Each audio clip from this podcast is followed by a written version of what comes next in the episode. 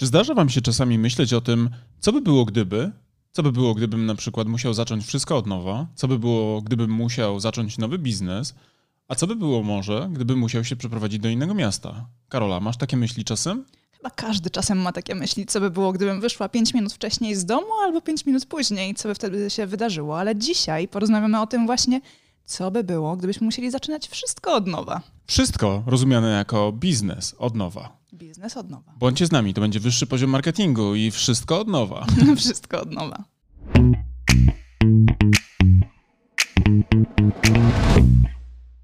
Czasami pewnie znajdujecie w internecie takie memy bądź też pytania, co byście woleli wybrać. Czy na przykład w tym momencie, w momencie, w którym znajdujecie się w tej sytuacji, dostać na przykład 10 milionów złotych gratis, czy cofnąć się do lat dzieciństwa i dojrzewania, ale z wiedzą, którą macie w tym momencie. Co byście wybrali? Cóż, my czasami mamy takie wątpliwości, czy woli, wolelibyśmy zaczynać wszystko od nowa z wiedzą, którą posiadamy dzisiaj, czy jednak szybko się wzbogacić i, i, do samego końca życia już żyć w dostatku i dobrobycie. No ale gdybyśmy mieli zaczynać wszystko od nowa z wiedzą, którą mamy w tym momencie, to co byśmy zrobili? To jest dobre pytanie. Przede wszystkim na początku prawdopodobnie byśmy przeżyli y, głębokie załamanie psychiczne. To znaczy, myślę, że to jest dość ludzkie. Wczoraj rozmawiałem z Basią Piasek, zaprosiła mnie do udzielenia wywiadu w kontekście właśnie takich biznesowych e, refleksji i rozmawialiśmy właśnie o takich różnych początkach biznesowych e, karier. I ten wczorajszy wywiad, którego udzieliłem i ta rozmowa z Basią dała mi do myślenia, ponieważ e, faktycznie ja ten biznes w sumie zaczynałem trzy razy i generalnie rzecz biorąc, y, myślę, że udało mi się przebić do stanu, w którym jestem dzisiaj, y, zbudować to, co zbudowaliśmy razem też, ale wcześniej również samodzielnie z jakimiś tam moimi partnerami, partnerkami i współpracownikami. Dzięki pewnemu stanowi umysłu, dzięki mentalności, którą wtedy miałem, temu głodowi. Natomiast dzisiaj mam wrażenie, że jestem takim już sytym kocurem. I raczej wolałbym sobie tak spokojnie, jak teraz funkcjonujemy, czyli wiesz, na pełnym luziku, na pełnym komforcie, jednak y, te kupony odcinać od tego, co wcześniej zostało wypracowane. A powiedz mi, jak ty byś się czuła, gdybym ci przyszedł na przykład wieczorem i przyniósł nowinę Karola, słuchaj, pamiętasz naszą markę poprzednią? Właśnie, yy, nie wiem, rządzący wprowadzili dekret, który wyłącza z działań biznesowych y, marki, marki doradcze, że nie wolno świadczyć już usług marki, marek, markom doradczych, ponieważ im suweren mądrzejszy, tym mniej podatny na sterowanie. No cóż, właśnie, to wszystko by zależało od tego, w jakich nastrojach musielibyśmy się rozstać z naszą obecną marką. Czy byłoby to e, związane z zakazem jej prowadzenia, czy na przykład z sukcesem byśmy ją sprzedali komuś innemu i mielibyśmy poczucie, że okej, okay, skoro tak fantastycznie nam szło, że ktoś chciał od nas odkupić nasz biznes, to z kolejnym możemy też również sobie świetnie poradzić.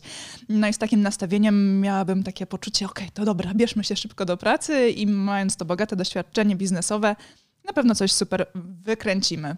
Tak sobie myślę właśnie, że moje, moja pierwsza firma, w której trzy lata byłem wspólnikiem, e, prowadząc działalność e, międzynarodową, bo to było, była firma, która mm, pośredniczyła w mm, umożliwianiu wyjazdów zagranicznych studentom za granicę do Europy Zachodniej, jak i do Stanów Zjednoczonych. Zresztą sam wcześniej brałem udział w jednym z programów i spędziłem dzięki temu rok w Ameryce w Nowym Jorku.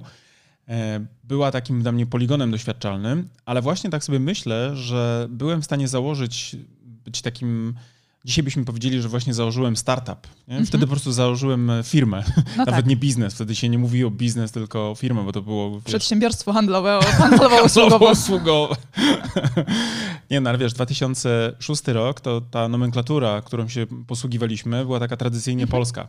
W ogóle mało się mówiło o brandingu. E, marka jako fraza w ogóle nie przebiła się wtedy do takiej szerokiej świadomości i wtedy po prostu zakładało się firmy, które jakoś trzeba było nazywać. O pozycjonowaniu, wiesz, marek w umysłach versus to, co robi konkurencja, a wtedy też nie, nie, nie, nie mówiło się w takim e, klarownym e, stylu jak dzisiaj, bo to było coś, co, co dopiero jakby się zaczynało rodzić, ale jak pamiętam te trzy lata, to, to był taki bardzo wymagający dla mnie czas, bardzo taki E, właśnie poligonowy, taki w okopach spędzony, moglibyśmy powiedzieć, dzięki któremu nauczyłem się tyle rzeczy, które pozwoliły mi później z kolei się rozwinąć w następnych etapach. Ale myślę sobie, że po tych trzech latach ja się nie załamałem, kiedy musiałem się rozstać biznesowo z moją partnerką biznesową, a prywatnie siostrą, bo to była firma rodzinna, e, do której dołączyłem w wyniku mm, choroby mojej mamy, która później niestety zmarła. Musiałem po prostu pomóc siostrze jakby ciągnąć firmę rodzinną dalej. To w każdym razie, kiedy wychodziłem i rozstaliśmy się z siostrą, bo uznaliśmy, że jednak nasze drogi się rozstały, yy, rozeszły już yy, na poziomie właśnie takim zgodności co do systemu wartości, którymi się kierowaliśmy w biznesie, to ja miałem bardzo duży taki zapał. E, I myślę właśnie, że mentalnie byłem w stanie sobie, wiesz, jakoś to wytłumaczyć, że to nie są trzy lata na przykład, nie wiem, które poszły w las, bo muszę zaczynać na nowo, tylko to był taki czas, który sprawił, że byłem gotowy na nową podróż. Wiem, że to brzmi trochę coachingowo, ale, ale myślę właśnie, że ludzie, którzy kwestionują te psychologiczne, takie, e, wiesz, automotywujące techniki, są prawdopodobnie w stanie komfortu obecnie, prawda? Natomiast e, doceniamy wagę takich zdolności do automotywowania, do autokorygowania, kalibrowania dopiero w sytuacji, w których nam na przykład braknie sił i motywacji, albo na przykład, nie wiem, z jakiegoś powodu tracimy wiarę i sens wiarę w sens tego, co robimy. Natomiast mnie udało się pomyśleć z, taką, z takim tupetem, nawet bym powiedział, o następnym kroku,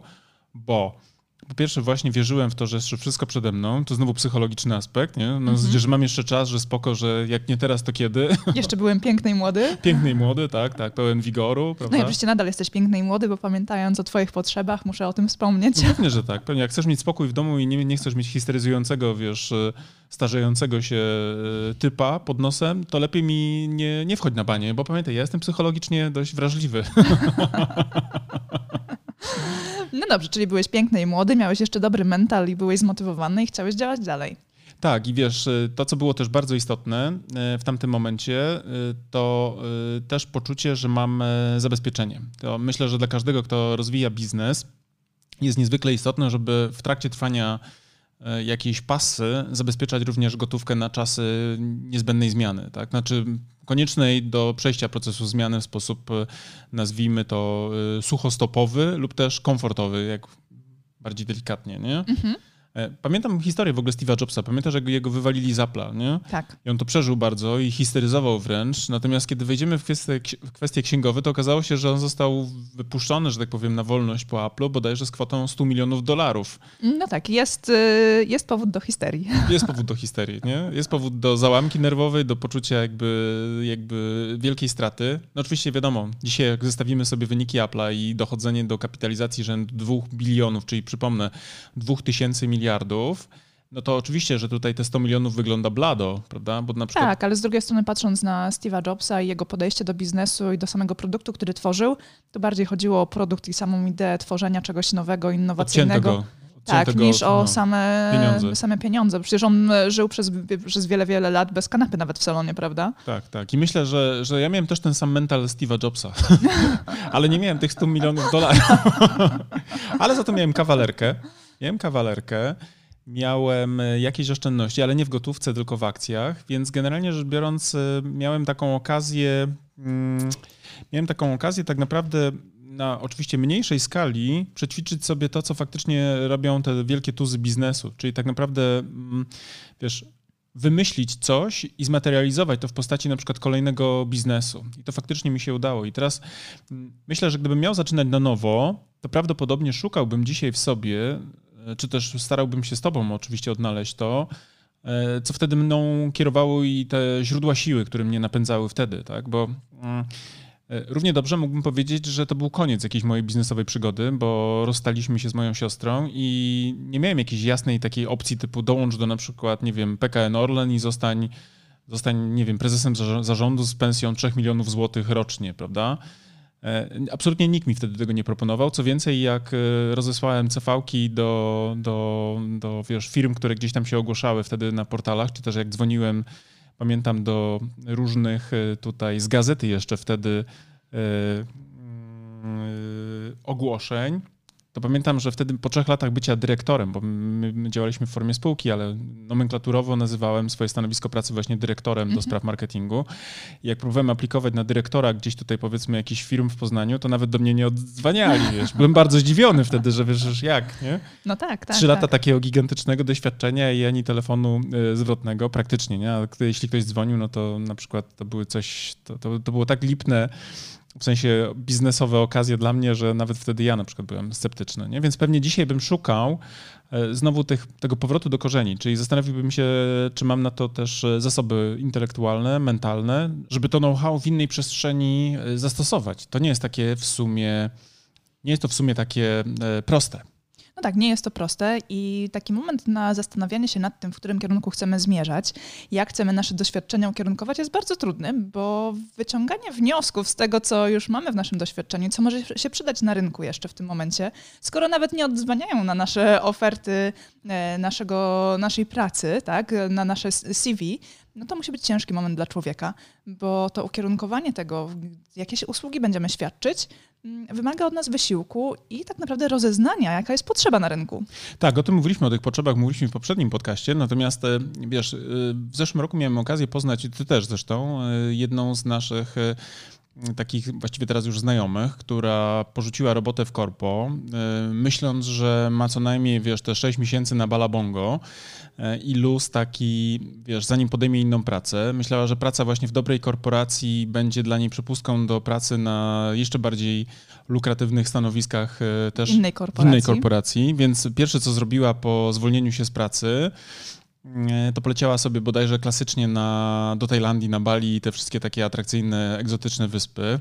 Tam spędziła bodajże 3 albo 4 tygodnie.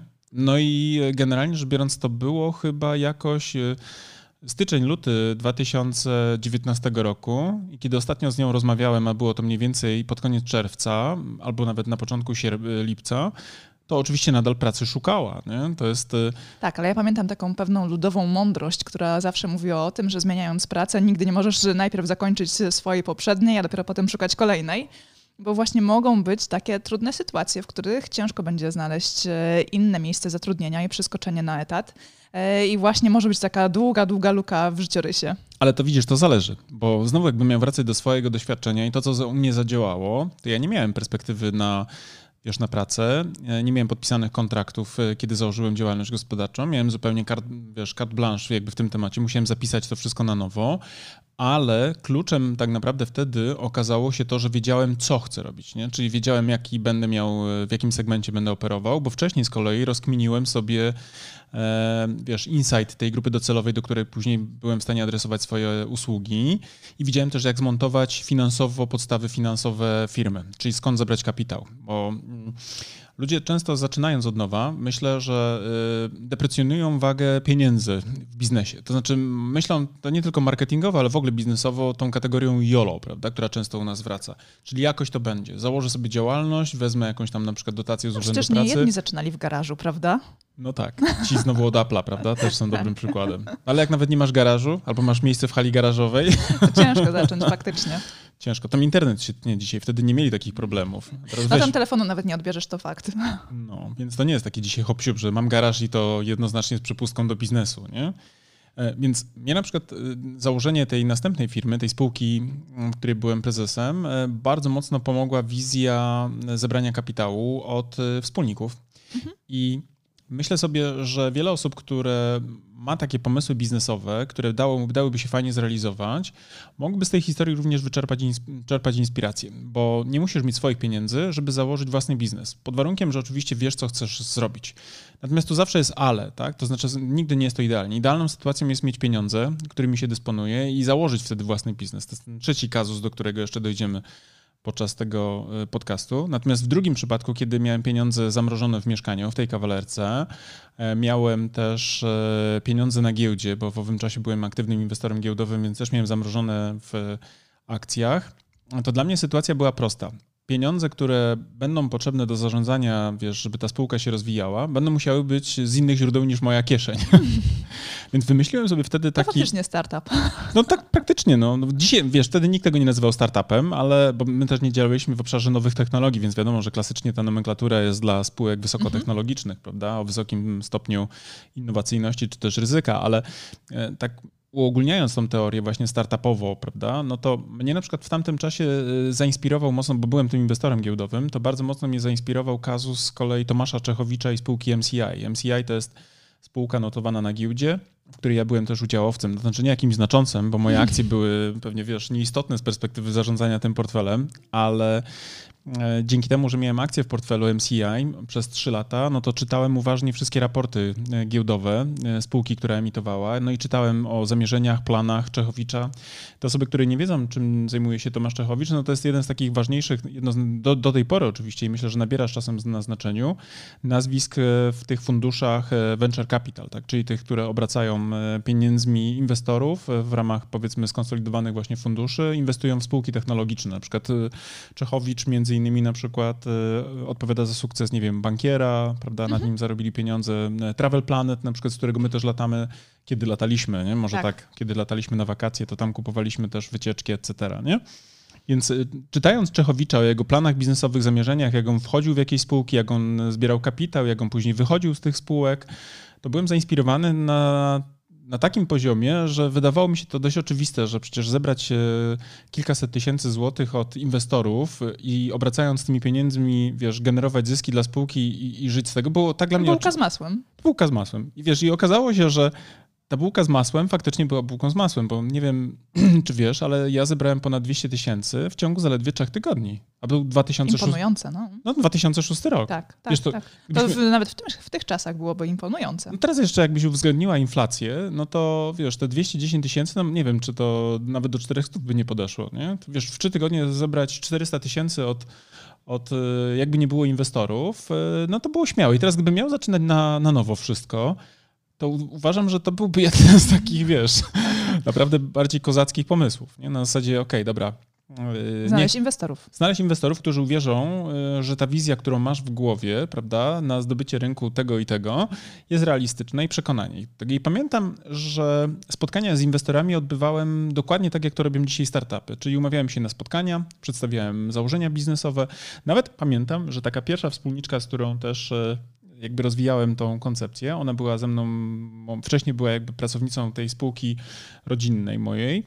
No to kiedy e, spotykaliśmy się jakby z inwestorami, no to y, zainwestowaliśmy w tamtym czasie zawrotne tysiąc złotych w opracowanie biznesplanu. Nie? To znaczy, wiesz, to co dzisiaj też znowu jest takim standardowym, myślę, elementem, czyli wiesz, poukładanie takich kosztorysowych rzeczy, potencjalnych przepływów finansowych i tak dalej. My znowu wtedy posłużyliśmy się bardzo taką, bym powiedział, e, no, dość nowatorską techniką, gdzie udokumentowaliśmy nasze zamierzenia. Oczywiście biznesplan a życie to są zupełnie dwa różne światy, ale... Ale profesjonalnie wygląda i wygląda to w ten sposób, że przygotowaliście się do tematu. Tak. I słuchaj, e, inwestor, bo mieliśmy też, uwaga, międzynarodowych inwestorów, to znaczy jednego mieliśmy międzynarodowego z Niemiec, ale on wtedy wniósł 90 tysięcy złotych. No tak. I pamiętam, że podczas spotkania z tym inwestorem e, on nawet nie przeczytał tego biznesplanu, tylko zobaczył, że jest klasyczne, nie? Mhm. przekartkował to, bo to było oczywiście dobrze oprawione. Mówi, mówiłem też e, to pewnie wielokrotnie, że zwracamy uwagę na szczegóły takiej oprawy też tego, co robimy.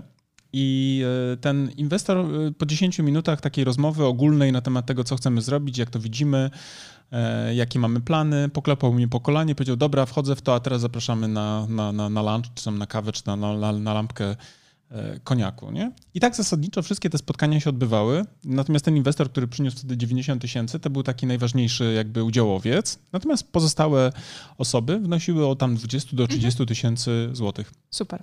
I to było naprawdę e, odważne. Natomiast to, co wyszło w praktyce, no to e, zauważyłem też po czasie i to dość szybkim, że kiedy jest się mniejszościowym udziałowcem, a bierze się pełną odpowiedzialność za e, sześć czy siedem różnych charakterów, no to jest bardzo trudne, nie? bo okazało się, że na walnym zgromadzeniu, bo w zarządzaniu spółką ZOO, taką spółkami osobowymi, które mają osobowość prawną, kiedy masz wykonstytuowany też zarząd i i udziałowców i, i, ty jesteś prezesem, no to nie jest tak, że ty jako prezes masz e, pełnię władzy. To znaczy operacyjnie tak, bo ty podejmujesz decyzję, ale na zarządzie, kiedy masz walne zgromadzenie wspólników, to oni muszą ci udzielić e, e, takiego, wiesz, namaszczenia, nie? Tak. Czyli muszą przepuścić jakby twoje sprawozdanie i uznać, że na przykład wydawałeś zgodnie, wiesz, ze statusem, czy tam celami, wiesz, strategicznymi firmy. A jak nie, to wracasz do domu. A jak nie, to wracasz do domu, albo też, nie wiem, mogą nawet... I nie dostajesz tych 100, 100 milionów jak Steve Jobs. tak, tak, tak.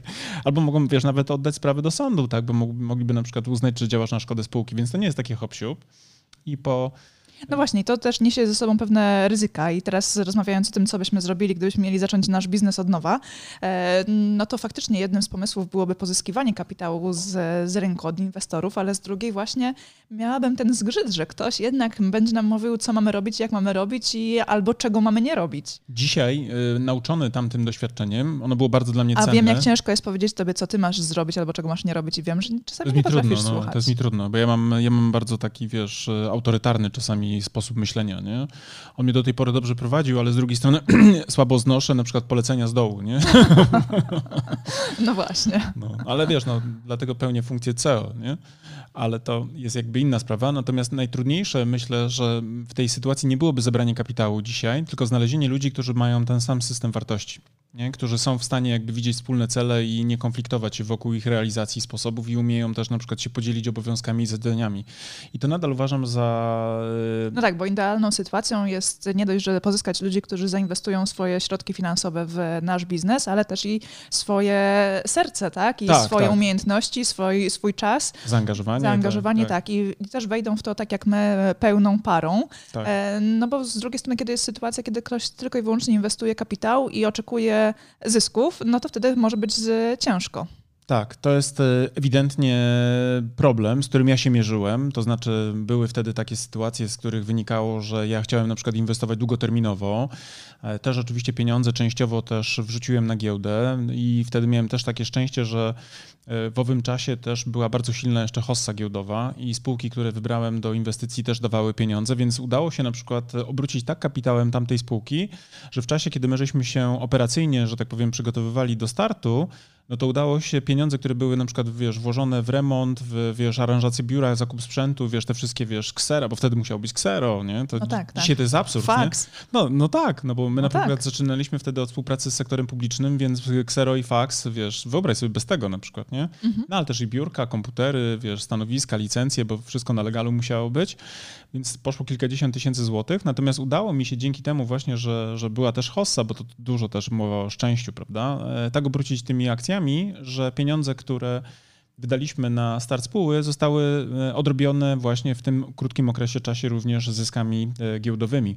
Ale też ujawniły się właśnie takie różnice wartości, tak? To znaczy te osoby, które były też członkami zarządu, nie wszystkie, ale część, ale miały jakby policzywszy głosy na walnym ponad 50%, e, miały inną wizję tego właśnie, e, jak do której strony powinny te spółki dążyć, tak? Czyli na przykład ja pewnych projektów nie chciałem realizować, bo wierzyłem w to, że e, aby marka miała coraz ciekawszych klientów, musi mieć w portfolio ciekawe projekty, prawda? Bo to jest jakby siłą rzeczy jedno z drugim, prawda? To jest to trochę takie prawo biznesowego przyciągania. Wartościowy klient przyciąga ci następnego wartościowego. Kiedy wpadasz w takie projekty, które cię nie budują, to siłą rzeczy za chwilę będziesz e, takim, wiesz, sz- szurał po dnie, nie? I jakby po latach jakby się okazało, że ta wizja szukania projektów ciekawych, rozwojowych e, bardzo się opłaciła, no bo wtedy na przykład, kiedy my zaczynaliśmy, to zaczynaliśmy na przykład właśnie z takimi najprostszymi do pozyskania klientami, gdzie ta różnica kompetencji była ogromna, ale e, na przykład to, że my taki mamy mindset, jaki mamy, czyli szukamy atrakcyjnych projektów, powoduje, że dzisiaj na przykład obsługujemy międzynarodowe korporacje, prawda, że obsługujemy, nie wiem, też e, wspaniałe miasta, między innymi na przykład zrobiliśmy strategię marketingową dla dla Kalisza. Wzięliśmy dużą odpowiedzialność, ale udało się tym miastu też wdrożyć i posługują się tym dokumentem strategicznym już kilka lat i widać tego efekty. No ale też na przykład ostatnio też doradzamy strategicznie w konsultacjach e, miastu Wrocław, Tak, prawda, które tak, tak. kochamy samo w sobie za to, że jest jakie jest, nie? Tak, ale teraz tak opowiadając o inwestorach, o odpowiedzialności, o tych e, wizjach e, rozwoju firmy. E, I wracając jeszcze do tej naszej takiej początkowej wizji tego, jaka sytuacja mogłaby nas zmusić do tego, że mu- musielibyśmy rozpoczynać nasz biznes od nowa. I gdybyśmy założyli, że faktycznie odgórnie jest zakaz prowadzenia działalności związanej z doradztwem marketingowym, strategicznym, no to pytanie, czy wchodzilibyśmy na przykład w jakiś inny biznes jako inwestorzy, udziałowcy i tam swoją wiedzę wykorzystywali marketingową, czy jednak chcielibyśmy zacząć coś swojego? Wiesz, to jest bardzo dobre pytanie. Ja już sam nawet o tym myślałem wcześniej. To znaczy, e, bo mieliśmy e, parę dobrych, naprawdę tłustych lat i zastanawiałem się, co zrobić z tą nadwyżką kapitału, która gdzieś tam leżała na koncie i lokaty nie dawały szczęścia i myślałem I właśnie... rozkręconym biznesem i jeszcze potencjałem w głowie, który Tak, można tak. by gdzieś uloko- ulokować. Tak, tak. I e, myślałem o tym, gdzie by na przykład część tej nadwyżki na przykład ulokować. To nie jest takie proste, żeby znaleźć ludzi, bo znowu ja już nauczony tym doświadczeniem tej spółki, gdzie miałem tych sześciu udziałowców, wiedziałem, że sama idea biznesowa wcale wcale nie jest wystarczająca, bo to nie jest sztuka. To znaczy, oczywiście jest to trudne, ale nie jest to sztuka. Nie? To znaczy, jest to łatwe, co nie oznacza, że jest to proste. Nie wiem, mam nadzieję, że to rozumiemy. Nie? Natomiast to, co jest niezwykle trudne, to znaleźć ludzi, którzy właśnie są w stanie spasować się z naszą kulturą, albo my z ich kulturą, tak? Żeby nie było, że my tu narzucamy siebie, ale, ale chodzi o to, żeby znaleźć ludzi, którzy podzielają te same wartości i są w stanie na przykład również y, harmonijnie, co jest niezmiernie istotne, e, współpracować, dążąc do jakiegoś tam, wiesz, określonego celu, przez długi okres czasu. Tak? Bo nie sztuka wejść z kimś na współpracę na trzy miesiące, pożreć się e, i pójść do sądu. No nie? właśnie, mam takie wrażenie, że w Polsce nie potrafimy jeszcze budować zespołów, e, spółek i współpracować ze sobą, bo zawsze z tyłu głowy jest jakaś taka wątpliwość, czy druga strona mnie nie oszuka, czy jednak tak. wkłada tyle samo zaangażowania w pracę, co ja. Tak. Czy na przykład oprócz tego, że wniosła taki sam kapitał, to czy poświęca na przykład tyle samo czasu, energii na... Brak zaufania podstawowy. Tak, tak, tak, tak. Jest właśnie brak zaufania do, do tej drugiej strony, a potem wychodzą różne nieporozumienia jeszcze okazuje się, że są rozbieżności w wartościach czy charakterze i faktycznie te spółki jakoś e, nie są w stanie przetrwać i też ludzie rzadko decydują się na wchodzenie z kimś e, spoza własnej rodziny w spółkę. Tak, właśnie o tym chciałem powiedzieć, że najbardziej rozpowszechniony rodzaj działalności gospodarczej to ten, w którym prowadzą e, to firmy rodziny. Rodzinne, firmy tak. rodzinne. Bodajże jak pamiętam, kiedyś rozmawiałem z jednym takich przedstawicieli Stowarzyszenia Polskich Firm Rodzinnych, mhm. to podobno jest aż milion siedemset tysięcy firm rodzinnych w Polsce. No tam, wiesz, do trzech milionów w zależności jak to mhm. klasyfikujemy, mhm. wiesz, i działalności jednoosobowe, tak, czy tam, tak, wiesz, tak, tak, to jest ponad połowa. To jest zasadniczo moim zdaniem e, następne, wiesz, my się w Polsce gdzieś tam powiedzmy tej branży takiej marketingowo-technologicznej, e, wiesz, jaramy tym, że mamy czwartą rewolucję technologiczną, tą erę cyfrową, E, ale ja uważam, że cyfryzacja nie zmobilizuje wiesz, tego kraju do rozwoju tak mocno, jak e, właśnie te następne sposoby na poukładanie modeli współpracy. Tak, tak Bo... na łączenie swoich mocy przerobowych, tak. swoich sił, umiejętności i tak, kapitału. Tak, tak, tak, takiego tworzenia właśnie spółek. Zobacz, jakbyśmy spojrzeli sobie analogicznie, o tym mówiliśmy o garażowych tych konceptach mhm. na start, czy bo ja wczoraj myślałem na grupie informacji o tym, że Apple sięga praktycznie dwubilionowej kapitalizacji e, giełdowej, prawda? Czyli jest absolutnie spółką wszechczasów ever. E, no to przecież e, tam natychmiast była spółka formule spółki ZO, prawda? Tam był Steve Jobs, tam, byli, tam był Steve Woźniak e, i kapitał, którego oni mieli, pozyskali w kwocie 100 tysięcy od Mike'a Markulego, mhm. Mike Markula, prawda? To był później też bardzo ważny też członek jakby zarządu tej, tej spółki, bardzo ważny człowiek, który pomógł wejść tej marce na wyższy poziom biznesu. Natomiast e, u nas to jest praktycznie rzecz biorąc niepraktykowane. Oczywiście startupy tak, ale ile jest tych startupów i na ile one są prężne i na ile one wytwarzają w ogóle wartości dodanej w gospodarce, to ja dzisiaj w Polsce miałbym duże wątpliwości. To są bardziej takie, wiesz, e, no, ciekawostki. Nie? Natomiast e, jeszcze nie ma tej kultury właśnie budowania współpracy, nie ma umiejętności budowania spółek e, o osobowości prawnej, gdzie ludzie wiesz, za na przykład nie wiem, opcje na akcje angażują się do pracy. Dzisiaj jakby ktoś mi na przykład powiedział, Mariusz, przyjdź do mnie do pracy, bo ci proponuję na przykład opcję na akcje, prawda, i minimalne wynagrodzenie, to bym tego nie kupił. Mhm. W sensie bym nie ufał temu, że, no że to nie zagra. I tak samo, gdybym ja pewnie miał taki pomysł, to prawdopodobnie miałbym dzisiaj też jakieś problemy z tym, żeby na przykład przekonać kogoś, hej, pracuj 3 lata, a jak osiągniemy, na przykład wejdziemy na giełdę, to, to, to na przykład twoje akcje będą warte tyle i tyle, ponieważ raz, że brakuje zaufania, myślę, na poziomie takim typowo społecznym, a dwa, że nie ma moim zdaniem takich instrumentów wspierających jak giełda, bo tak jak mówiłem wcześniej, że giełda 2006-2007 była doskonałym miejscem na robienie kapitału. Tak? Ktoś wchodził na giełdę, publikował na przykład, nie wiem, miał to IPO, czyli tą, tą, wiesz, ten start właśnie na giełdzie oficjalnie e, i był w stanie zbierać duże pieniądze z rynku. A dzisiaj... No e, jest niewiele historii sukcesu firm, które weszły na giełdę, więc... E, Dzięki giełdzie na przykład bardzo mocno się rozwinęły, nie? Tak, więc komuś obiecywanie tego, że za trzy lata wejdziemy na giełdę i będziesz mógł tutaj z nami odnosić wielkie sukcesy finansowe. To jest, to jest trochę tak. Słuchaj, to jest bardzo duża marchewka. Przy, przy, no, tak, tak, taka, wiesz, taka... taka, taka enigmatyczna. iluzoryczna też, nie? Taka, wiesz, taka trochę fa, fanta, fantasmagoria, nie? Tak.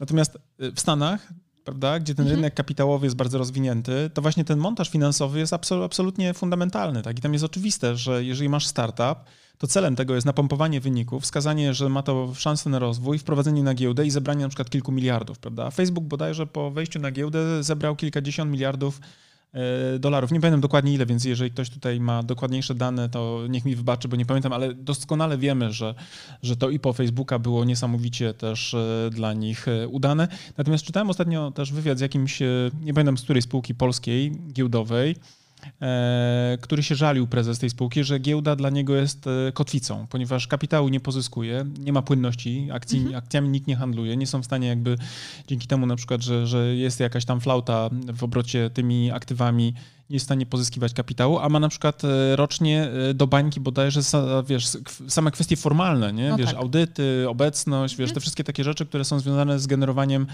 e, kosztów, które, które, które warszawska giełda papierów wartościowych po prostu wymaga, nie? bo to są kosztowne rzeczy.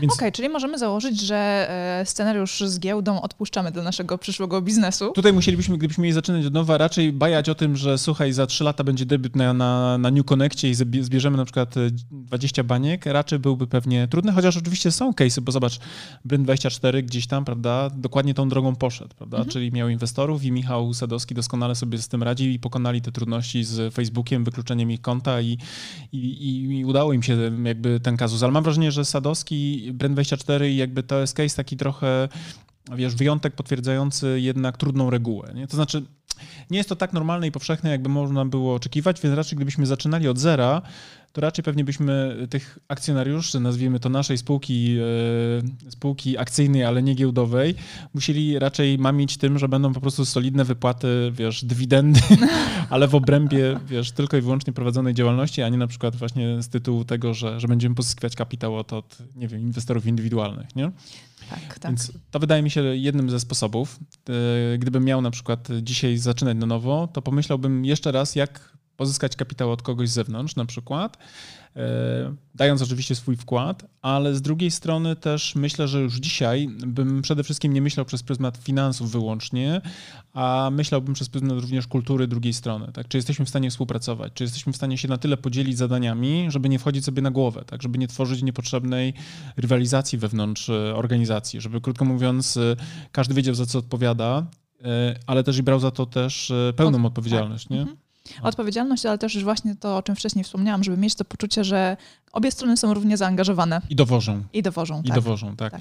Bo ja, ja w ogóle tak mówię, podsumowując tą część jakby o tym modelu, e, kiedy nie masz kapitału na tyle, żeby zrobić coś z wielkim przytupem i potrzebujesz ludzi, to uważam, że właśnie ta dzisiaj to mogłaby być taka bardzo innowacyjna. Ja w ogóle uważam, że największą innowacją jest właśnie nie e, era cyfrowa Mhm. dla nas tutaj na miejscu lokalnie, tylko tak naprawdę zdolność do współpracowania, że te, te osoby, które potrafią współpracować i potrafią właśnie jednoczyć wokół siebie jakieś teamy projektowe, to mają największy potencjał, tak? Nie wiem, czy my żeśmy rozmawiali na, na ramach tego podcastu o różnicy między freelancerem a przedsiębiorcą. Nie wiem, czy żeśmy o tym wspominali już, a jak nie, to To znaczy, ja już to od ciebie kilka razy słyszałam, ale nie wiem, czy to faktycznie zostało zarejestrowane w podcaście. No właśnie, słyszałem też od Sefa Godena, Godina Godena, na czym polega różnica między freelancerem a przedsiębiorcą? No, Otóż według Godina e, przedsiębiorca to człowiek, który zarabia nawet kiedy śpi, a freelancer to jest człowiek, który, żeby zarobić, musi pracować. Nie? Tak. Więc nie jest przedsiębiorcą ten, który zakłada działalność gospodarczą, tylko ten, który potrafi tak naprawdę, e, wiesz, e, skalować pewne rzeczy i procesy, aby uzyskiwać efekty nawet w czasie, kiedy nie jest aktywny zawodowo. Nie? I teraz ja uważam, żeby osiągnąć ten efekt bycia przedsiębiorcą, tak, prawdziwym przedsiębiorcą, a nie freelancerem, e, no to jest kompetentnie, ta, ta kompetencja związana z budową zespołów jest, jest, jest kluczowa. Mhm. Z budową zespołów, ale też i budową procesów i, Tak, i tak. systemów, które, Systemów, tak, tak, tak. całych systemów. Nie? które będą działały i toczyły się właśnie w momencie, kiedy, kiedy nie pracujemy.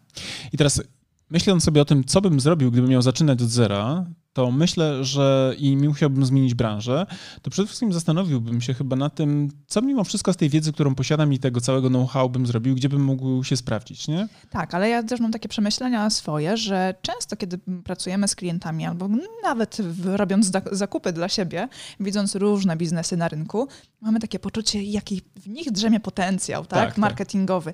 Jakby tam było można doszlifować to wszystko, Tak. żeby to wybłyszczyć, wyświecić i, i nadać temu właśnie taki, e, takie nowe życie i większy rozpęd. I mam wrażenie, że gdybyśmy czasami się włączyli w jakieś działania biznesowe innych marek z, naszym, z naszą wiedzą marketingową, strategiczną, no to moglibyśmy nie, nie jeden biznes nieźle rozbujać. Tak mi się wydaje. Wiesz co, ja też mam dokładnie te, te same refleksje, że ludzie tyle potencjału zostawiają niezagospodarowane. Zresztą w ogóle jakby cała geneza pozyskiwania przez nas klientów polega na tym, że ludzie w pewnym momencie się orientują, słuchaj, idzie nam nieźle, ale no mamy taki chaos, taką mamy tutaj strukturę, że tak powiem, chaotyczną zarządzania marketingiem, marką, komunikacją, jej komunikacją i w ogóle tak, wszystkimi plus procesami. wiemy, że jeszcze mamy jakiś potencjał, ale nie potrafimy go do, dokładnie wy, tak. z siebie wykrzesać i, i, nie wiemy, gdzie on dokładnie jest ukryty, więc pomóżcie nam i, i faktycznie w tej pracy strategicznej pomagamy klientom to wszystko ogarnąć. A gdybym miał zaczynać na nowo, to prawdopodobnie dzisiaj bym e, nie chciał być już na przykład prezesem jakiejś spółki, bo tego nie potrzebuję. Już nie potrzebuję tego do budowania swojej tożsamości zawodowej. To już mi nie jest potrzebne. Już mam jakby e, przypięte pewne... Czyli może być junior brand manager? Nie wiem, czy junior, czy nie wiem, czy junior dla mnie, wiesz, do 44-latka pasuje, czy ktoś by kupił te, tego juniora, a może ty raczej, ty jesteś młodsza na oko też, nie? No Rocznikowo tak. i na oko, nie? Juniorita. Ale być może na przykład bym się zadowolił już jakąś właśnie częścią udziału w zyskach albo udziału w ogóle w spółce, nie? Mhm, I no na właśnie. przykład być może bym gdzieś tam, wiesz, pewne rzeczy robił też e, zdalnie na przykład. Nie? Być może by to była taka trzecia formuła rozwiązywania na przykład I swoich... teraz po tym podcaście posypią się propozycje dla nas, tak. żeby wspomóc niektóre biznesy właśnie naszym doświadczeniem w zamian za udziały. Ale to pamiętajcie, że to by musiało się dziać w sytuacji, w której straciliśmy naszą firmę, nie? Dzisiaj, dzisiaj jesteśmy na tyle jeszcze pewni siebie, że oczekiwalibyśmy czegoś więcej niż wizji zysku w przyszłości. I wejścia na giełdę za trzy lata. Wejścia na giełdę, tak. Więc jakby te argumenty typu dołączcie do nas, pracujcie za udziały i... I potem, referencje. I referencje, to jeszcze dzisiaj nie, nie jesteśmy na to jeszcze dzisiaj gotowi, nie? Poczekajmy na odpowiednią ustawę. No. Ale myślę, że to byłby kierunek. Gdybym, gdybym miał taką, wiesz, trochę przystawioną lufę do czoła, to być może bym e, w ten sposób poszedł, bo na pewno nie chciałbym chyba, to nie zarzekam się, bo to nigdy nie wiesz, prawda, co się wydarzy, ale nie chciałbym być na takim etapie typu idę na etat, bo etat zawsze ogranicza, to nawet nie chodzi o pieniądze, które z tego są na pewno oczywistym problemem, ale chodzi o to, że człowiek na etacie przestaje się angażować. Tak. To znaczy, ja nie chcę nikogo tu urazić, kto jest na etacie, ale nie da się porównać zaangażowania, kiedy jesteś w roli osoby, która ma udziały, która bierze pełną odpowiedzialność y, i która, która no, w pełni jakby identyfikuje się z biznesem, a człowiekiem, który jest na etacie. I to nie ma nic złego, prawda? No bo jeżeli jesteś na etacie, to przez to właśnie, że jesteś na etacie, y, masz mniej pieniędzy, ale masz też y, więcej luzu, nie? Mhm. Natomiast ja bym już chyba był gotowy był gotowy, że tak powiem, powiedzieć, że nie szukam, nie szukam aż takiego dużego spokoju, natomiast cały czas szukam wyzwań. Nie? Więc gdybym miał zaczynać od nowa, to przede wszystkim myślę, że... A nie skusiłby cię ten płatny urlop na etacie? Wiesz co, zobacz, my byliśmy teraz na miesięcznym urlopie. Wczoraj też Basia Piasek powiedziała, że jesteśmy ludźmi sukcesu, bo, bo byliśmy na miesięcznym urlopie. I dla mnie to jest taka oczywista oczywistość, że w lipcu nie pracujemy. Nie? Ale z drugiej strony, czy my naprawdę nie pracowaliśmy w lipcu? No nie. No, no. To, to było tak zwane workation. No takie workation trochę, nie? To znaczy zmieniasz rutynę, zmieniasz styl życia troszeczkę. Masz bo... trochę więcej wolnego czasu, ale de facto każdego dnia popychasz pewne procesy do przodu. Tak, i... bo nie możesz tego zostawić, w mhm. związku z tym e, angażujesz się, odbierasz telefony, dzwoni klient, który... Jestem nawet pewna i przekonana, że część naszych klientów nawet nie domyśliła się, że jesteśmy na urlopie. Tak, oni w ogóle nie mieli świadomości, ponieważ wszystkie sprawy szły płynnie, natomiast e, tylko tacy bliscy, bliscy obserwatorzy, którzy nas gdzieś tam na storiesach czy, czy powiedzmy na Facebooku albo na Insta e, podglądają, mogli, mogli myśleć, że jesteśmy na urlopie, nie? Ale, ale umówmy się, tak naprawdę człowiek, który właśnie jest na, na, na działalności własnej i w pełni się identyfikuje z pracą, e, no ma pewnego rodzaju też koszty tego wynikające, że... Wszystko ma swoje plusy i minusy, tak, jak tak, zawsze. Tak, tak, Więc tutaj nie chcę deprecjonować absolutnie ludzi, którzy nie mają swojej firmy i pracują na etat, bo oni też bywają często zaangażowani, ale to jest nieco inny poziom jakby zaangażowania, plus e, bywa też tak, że jak jesteś na etacie, to możesz w każdej chwili zmienić robotę i nagle zaczynać coś na nowo. A ja pamiętam, że jak byłem na kiedyś takim zakręcie biznesowym, no to myślałem, że w ogóle gdybym chciał rzucić wszystko w diabły, to mam co najmniej trzymiesięczny okres driftu, nie? Mhm. Bo masz tą inercję. Tak. Muszą ci powygasać umowy, muszą ci, wiesz, pewne rzeczy, chociażby na przykład kwestie gwarancyjne, które udzielasz klientom, prawda? Muszą się pokończyć, zanim ty spokojnie możesz powiedzieć, mam to ze sobą, a takie rzeczy trwają. I to nie zawsze są tylko trzy miesiące, a czasami dłużej. Tak, tak, bo bywały na przykład procesy związane z, nie wiem, z dostarczaniem software'owych rzeczy, które my żeśmy brali na siebie jako, jako firma i mieliśmy na przykład 12-miesięczne okresy gwarancji na te... A teraz powiem ci więcej, bo my jeszcze w tym podcaście, w tym odcinku nie wspomnieliśmy, że mamy kurs ABC Strategii Marki marki, gdzie uczestnicy, wykupując dostęp do kursu, dostają dożywotni do niego dostęp. No właśnie. Czyli jeżeli my zakończymy naszą działalność, to nadal zobowiązujemy się do tego, żeby podtrzymywać serwery, na którym są dostępne materiały dla kursantów. Tak jest. I tylko nie rzucisz w diabły po prostu, nie? Tak. No właśnie. Ale gdybym miał, gdybym miał zaczynać właśnie od zera, to to, co zawsze też powtarzam yy, moim klientom, przechodzę przez taką piramidę marketingowego sukcesu. Zresztą my o tym w kursie ABC Strategii Marki też dużo mówimy. Yy, czyli najpierw, yy, gdybym miał zaczynać na nowo, przede wszystkim znowu bym zaczął studiować. Dany rynek, dany segment, dane, dane otoczenie, w którym będę musiał się zmierzyć. Dopiero potem bym zaczął rozmyślać o strategii, prawda, która będzie mi towarzyszyć, na przykład na pozycjonowanie się w tym rynku, a dopiero potem bym podjął działanie. I to jest ten taki, taka triada, bym powiedział, przeżyciowa, którą bym zastosował teraz na pewno też. A Was, jeżeli jeszcze nie byliście na naszym kursie, to oczywiście gorąco zachęcamy do zapoznania się z agendą oraz y, też zwyczajnie aplikowanie, bo to jest kurs, który pozwoli Wam zacząć niezależnie od tego, w którym etapie jesteście, czy na przykład rozwijać markę, zacząć rozwijać markę na wyższe poziomy, no ale być może na przykład jesteście na przykład po tym kursie zainspirowani, po tej naszej dzisiaj rozmowie zainspirowani i na przykład mówicie, kurczę, bierzemy tak jak oni kapitał z rynku, i zakładamy. I zaczynamy przykład, coś od nowa. zaczynamy coś od nowa. To ten kurs też oczywiście będzie dla Was bardzo mocno też pomocny. Więc gdybyśmy mieli to wszystko podsumować, to co dzisiaj sobie tu rozmawiamy, to zaczynanie od nowa nigdy nie jest proste. Nie wiem, czy ja bym był dzisiaj wielkim fanem, gdyby ktoś mi powiedział, że muszę zaczynać na nowo, bo jednak nie będę kłamał. Czerpię wielką przyjemność z tego, że te procesy mamy już zaprowadzone, że wszystko działa, że jest płynne, że mamy to rozkminione do najmniejszej jakby śrubki, prawda, w całym tym naszym e, marketingowym ekosystemie. Ale z drugiej strony, gdybym miał zaczynać, to czułbym się, że tak powiem, też bezpieczny, bo wiedziałbym, jakie kroki muszę wykonywać, aby pewne rzeczy powtórzyć. No bo tak, mówmy się, już, to są schematy. Kiedy już byśmy wymyślili, co chcemy robić, w jakim obszarze działać, dla kogo, dla kogo dostarczać produkty czy usługi, to już wtedy byłoby proste, prawda? Już tak, wtedy tak, tak. wiedzielibyśmy...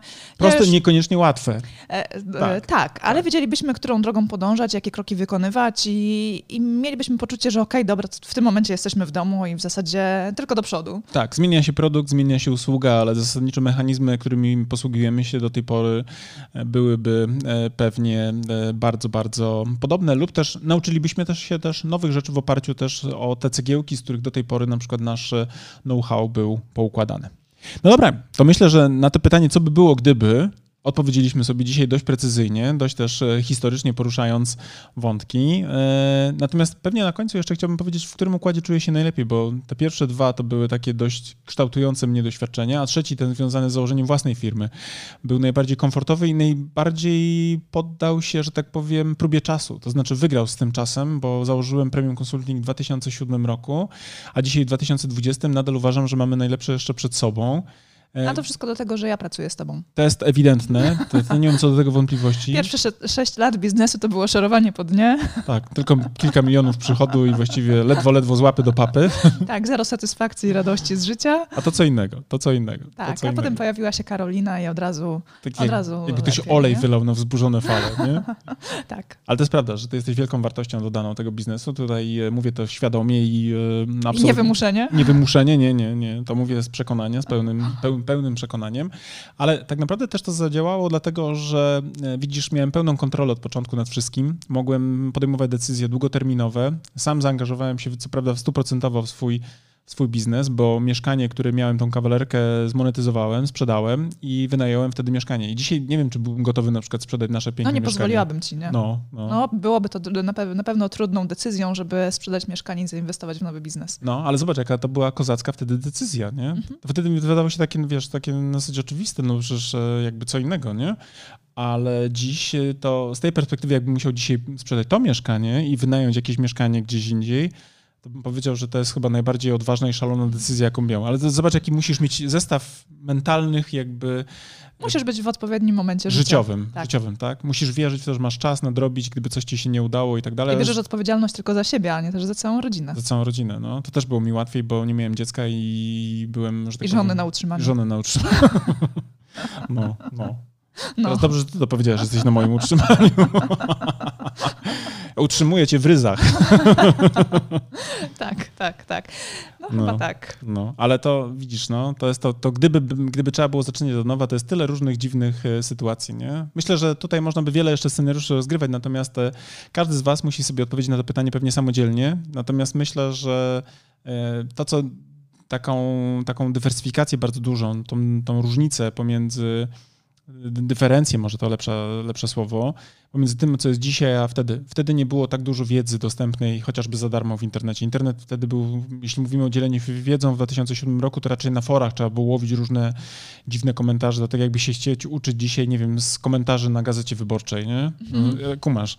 Jakby nie było to w pełni opracowane, blogi dopiero jakby, wiesz, startowały, one były dopiero zalążkowe, więc dużo takich rzeczy było dopiero do odkrycia, więc... No, też był zupełnie inny mechanizm pozyskiwania klientów, tak? Bo internet był kompletnie właśnie wyłączony z tego działania, był początkującą fazą. Książką taką, taką telefoniczną trochę. Tak, trochę taką książką telefoniczną i w zasadzie wizytówkami firm w internecie.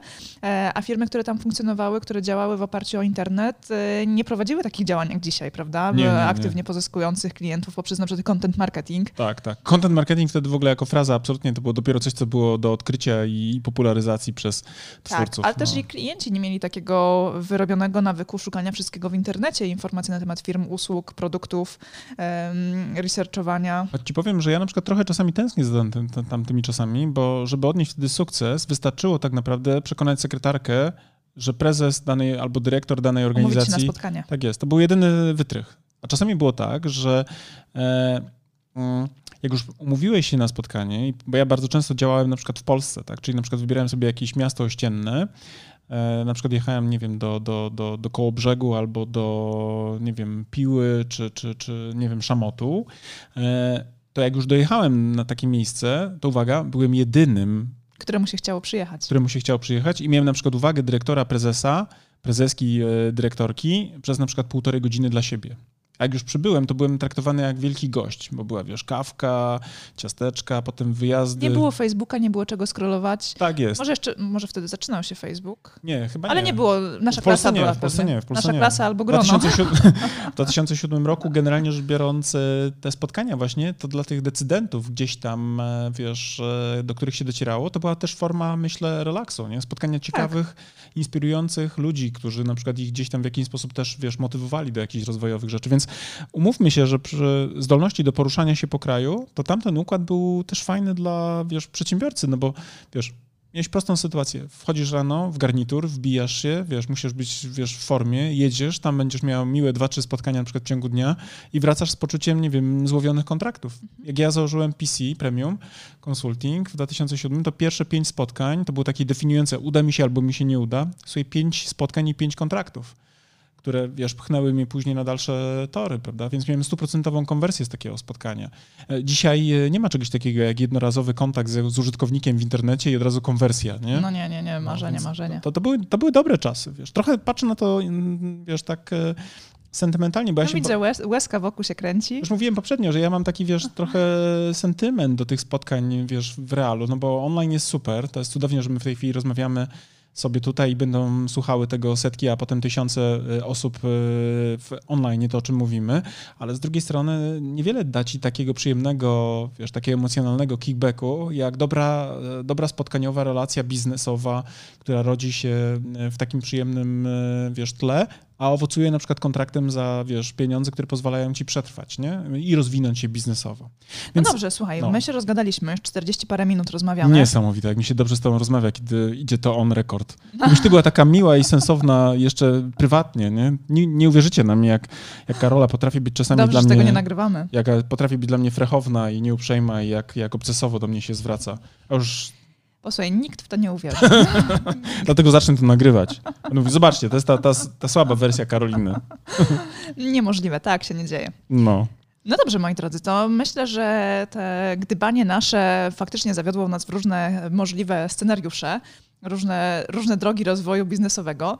Mam nadzieję, że jeżeli znajdziecie się w sytuacji, w której będziecie musieli podejmować decyzję o tym, co, co zrobić od nowa, to, to, to to zaczniecie od ABC strategii marki. Tak, to zaczniecie od naszego kursu ABC strategii marki. Kiedy już podejmiecie decyzję, co chcecie robić i kiedy zaczniecie układać ten biznes od podstaw, to wtedy ten kurs faktycznie Wam się do tego niezmiernie i bardzo, bardzo mocno przyda. Tak jest. Sami będziemy do niego wracać, jak będziemy mieć wątpliwości, w którym kierunku pójść. Tak, ale w, mam nadzieję, że jeżeli znajdziecie się w sytuacji, w której musicie się określić na nowo, to to będzie dla Was tylko i wyłącznie przyjemna sytuacja, niezmuszona negatywnymi okolicznościami. A gdybyście potrzebowali przegadać pewne rzeczy, to zawsze możecie do nas wpaść na płatne konsultacje i my Wam wszystko powiemy, co trzeba zrobić od A do Z. Tak, od A Nie do tylko Z. AB, ABC, ale również od A do Z. No. Nie? No. Od A do Z. Dobra, kochani, to co? Było nam bardzo miło tutaj z wami być. E, e, Prawie powiedzieć chciałbym, że z wami się słyszeć, ale tak naprawdę mam wrażenie, że rozumiemy o co chodzi. Tak, I mówimy już wam do usłyszenia niebawem. tak. Do usłyszenia w kolejnym odcinku. Cześć, to był wyższy poziom marketingu. I Karolina Łodyga? I Mariusz Łodega. Tak jest, to byliśmy my, jakbyście Nie wiedzieli. nie wiedzieli. Pa, cześć. Pa.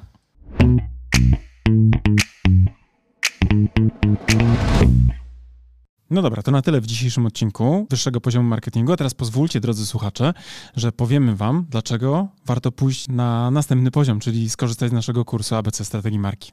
Tak, bo jak wiecie, to po pierwsze macie już do niego kod rabatowy 15%, a po drugie ten kurs i wiedza z niego pozwoli wam wejść na wyższy poziom marketingu z waszą marką i dzięki niemu opracować strategię dla waszej marki. I to jest oczywista oczywistość, prawda? Tego byśmy nawet nie musieli mówić, gdyż już na pewno wiecie. Natomiast to, co nie jest pewnie dla Was jasne, to to, z jakich elementów składa się ten kurs, prawda? Pierwszy taki, najważniejszy, od którego zawsze wychodzimy, który, uwaga, jest najmniej pewnie spektakularny, no bo wiąże się przede wszystkim z tą robotą w okopach, czyli analizą, prawda? To jest ten pierwszy obszar, który jest naprawdę niezwykle istotny. Dzięki naszemu kursowi APC Strategii Marki będziecie wiedzieli, jak zrobić badanie marketingowe, które pozwoli Wam określić to, co nazywamy fachowo consumer insightem, czyli insightem konsumenckim, albo inaczej mówiąc po polsku, po prostu tak jak należy, patriotycznie, co jest potrzebą konsumenta. Tak, ale też e, ten kurs pozwoli wam przejść do drugiego etapu, czyli etapu strategicznego i opracować strategię waszej marki, czyli znaleźć też unikalne pozycjonowanie dla waszej marki. No oczywiście jak to zrobić, dowiecie się z kursu, natomiast zaręczam wam, że ta wiedza, która jest w tym kursie przedstawiona, zdecydowanej większości z was pozwoli naprawdę zdystansować się od waszych konkurentów i po prostu zwyczajnie zarabiać więcej. A skoro już będziecie wiedzieli, jakie macie unikalne pozycjonowanie przyjąć dla waszej marki, to też z, z naszym kursem dowiecie się, w jaki sposób docierać do waszych odbiorców, by w ich umysłach zbudować właśnie to odpowiednie pozycjonowanie. Będziecie wiedzieli, jak tworzyć wizerunek waszej marki, będziecie wiedzieli również, jak mierzyć postępy, a to wszystko, o czym teraz mówię, tak naprawdę zawiera się w tej części, którą my jako strategzy nazywamy strategią komunikacji marki. Także ten nasz kurs, jako jedyny chyba na rynku w Polsce, bo ja nie spotkałem jeszcze tak kompleksowego podejścia, pozwoli wam nie tylko mówić o tym, co komunikować, ale również dlaczego komunikować i do kogo, co pewnie jest najważniejsze, Oraz gdzie komunikować. Tak, i jak mierzyć oczywiście wszystkie aspekty i nie tylko te performance'owe typu kliknięcia w link, ale również to, co mają w umysłach i w głowach i w sercach wasi klienci.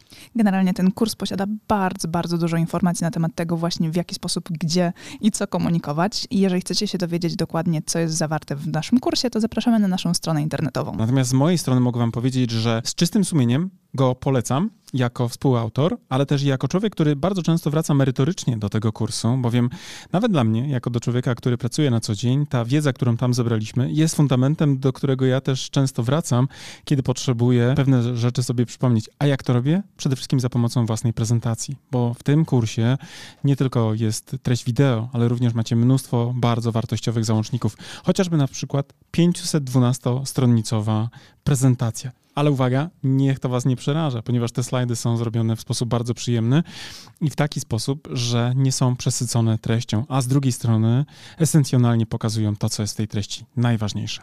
Tak, a z tego praktycznego punktu widzenia w kursie macie również załączniki takie dodatkowe do pracy własnej, e, z którymi możecie opracować własną strategię. Jest szablon opracowania strategii marketingowej, ale też jest przykładowa strategia naszej marki. Tak jest i ta strategia pozwoli Wam nie tylko zobaczyć, jaki jest framework, na którym my pracujemy jako strategzy, ale również zobaczycie, jak to wygląda z poziomu projektowanych założeń i będziecie mogli później na przykład przejść na nasze kanały komunikacyjne, na przykład na stronę www i też zobaczyć w ogóle, jak to działa, to co my żeśmy zaplanowali, bo absolutnie, wierzcie mi, my funkcjonujemy dokładnie według tych założeń i nie tylko na poziomie przekazu werbalnego, ale również tego wizualnego języka, który jest podstawą właśnie opracowaną na bazie tych założeń. Tak. Zatem, jeżeli chcecie dołączyć do naszego kursu, zapraszamy na naszą stronę internetową. Jeżeli jeszcze nie jesteście pewni, również zapraszamy na naszą stronę internetową, by dowiedzieć się więcej. Bo być może my was nie przekonujemy jako autorzy, bo pewnie jesteśmy trochę nieobiektywni, ale jeżeli potrzebujecie jakiegoś dodatkowego głosu, to posłuchajcie i też poczytajcie opinie ludzi, którzy wzięli w tym kursie udział, bo myślę, że oni są faktycznie najważniejsi jako prawdziwi z krwi i kości uczestnicy. A z mojej strony też powiem, że ten kurs jako narzędzie takie merytoryczne naprawdę pozwoli wam wprowadzić wasze marki na wyższe poziomy marketingu. To wam gwarantuję już teraz. Trzymamy za Was kciuki. Do zobaczenia. Cześć. Do zobaczenia w kursie. Cześć.